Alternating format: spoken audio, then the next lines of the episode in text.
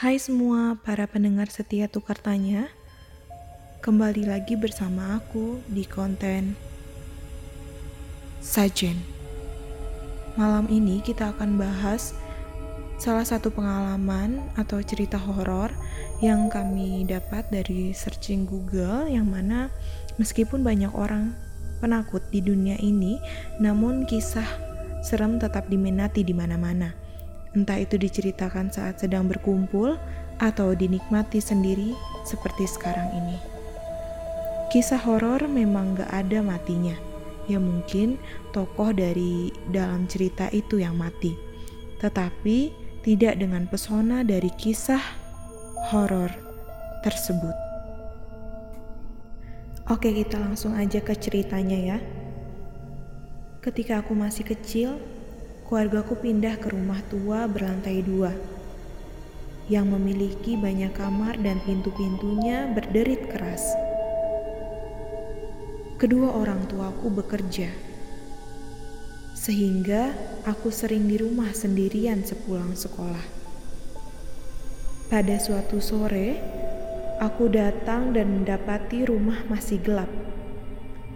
Aku memanggil mamaku Mama, dan mendengar suara merdunya menjawab, Ya, dari lantai dua.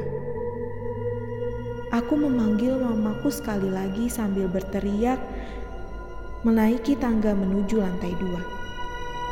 Hendak mencari di mana mamaku berada.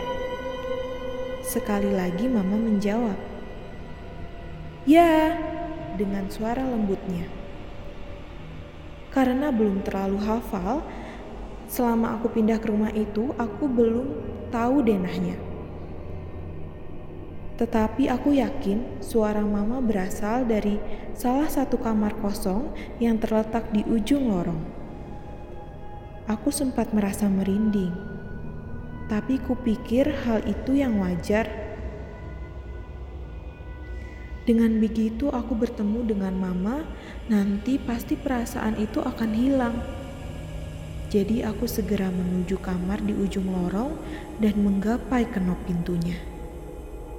Ketika baru akan memutar kenop pintu kamar itu, aku mendengar suara pintu di depan rumah terbuka. Suara mamaku yang melengking ceria terdengar memanggil dari bawah. Nak, kamu sudah pulang duluan?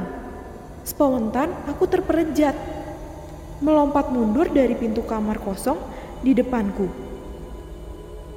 Lari kabur, ingin menyambut mamaku yang berada di bawah. Namun, selagi menengok ke belakang untuk terakhir kalinya, aku melihat pintunya terbuka sedikit dengan berbunyi derit nyaring. Dan seseorang tidak sesuatu memandangiku dari celah pintu tersebut. Selanjutnya ada pengalaman dari sang ayah yang bercerita seperti ini. Selagi mengecek putraku sebelum tidur, membenahi bantal dan selimutnya agar nyaman, anakku merengek. Katanya, "Ayah, Tolong periksakan apakah ada hantu di bawah kolong tempat tidurku. Sambil tersenyum simpul, aku menuruti permintaannya dan menengok ke bawah kolong. Di bawah kolong, aku menemukan sosok anakku. Anak yang mirip persis dengan bocah di atas tempat tidur. Dia meringkuk menggigil di bawah sana sambil berbisik kepadaku. Ayah, Tolong, di atas tempat tidurku ada hantu. Gimana menurut kalian? Hantunya yang di atas atau yang di bawah? Aku berharap kalian komentar di YouTube Tukar Tanya dan sampai jumpa di konten sajen minggu depan.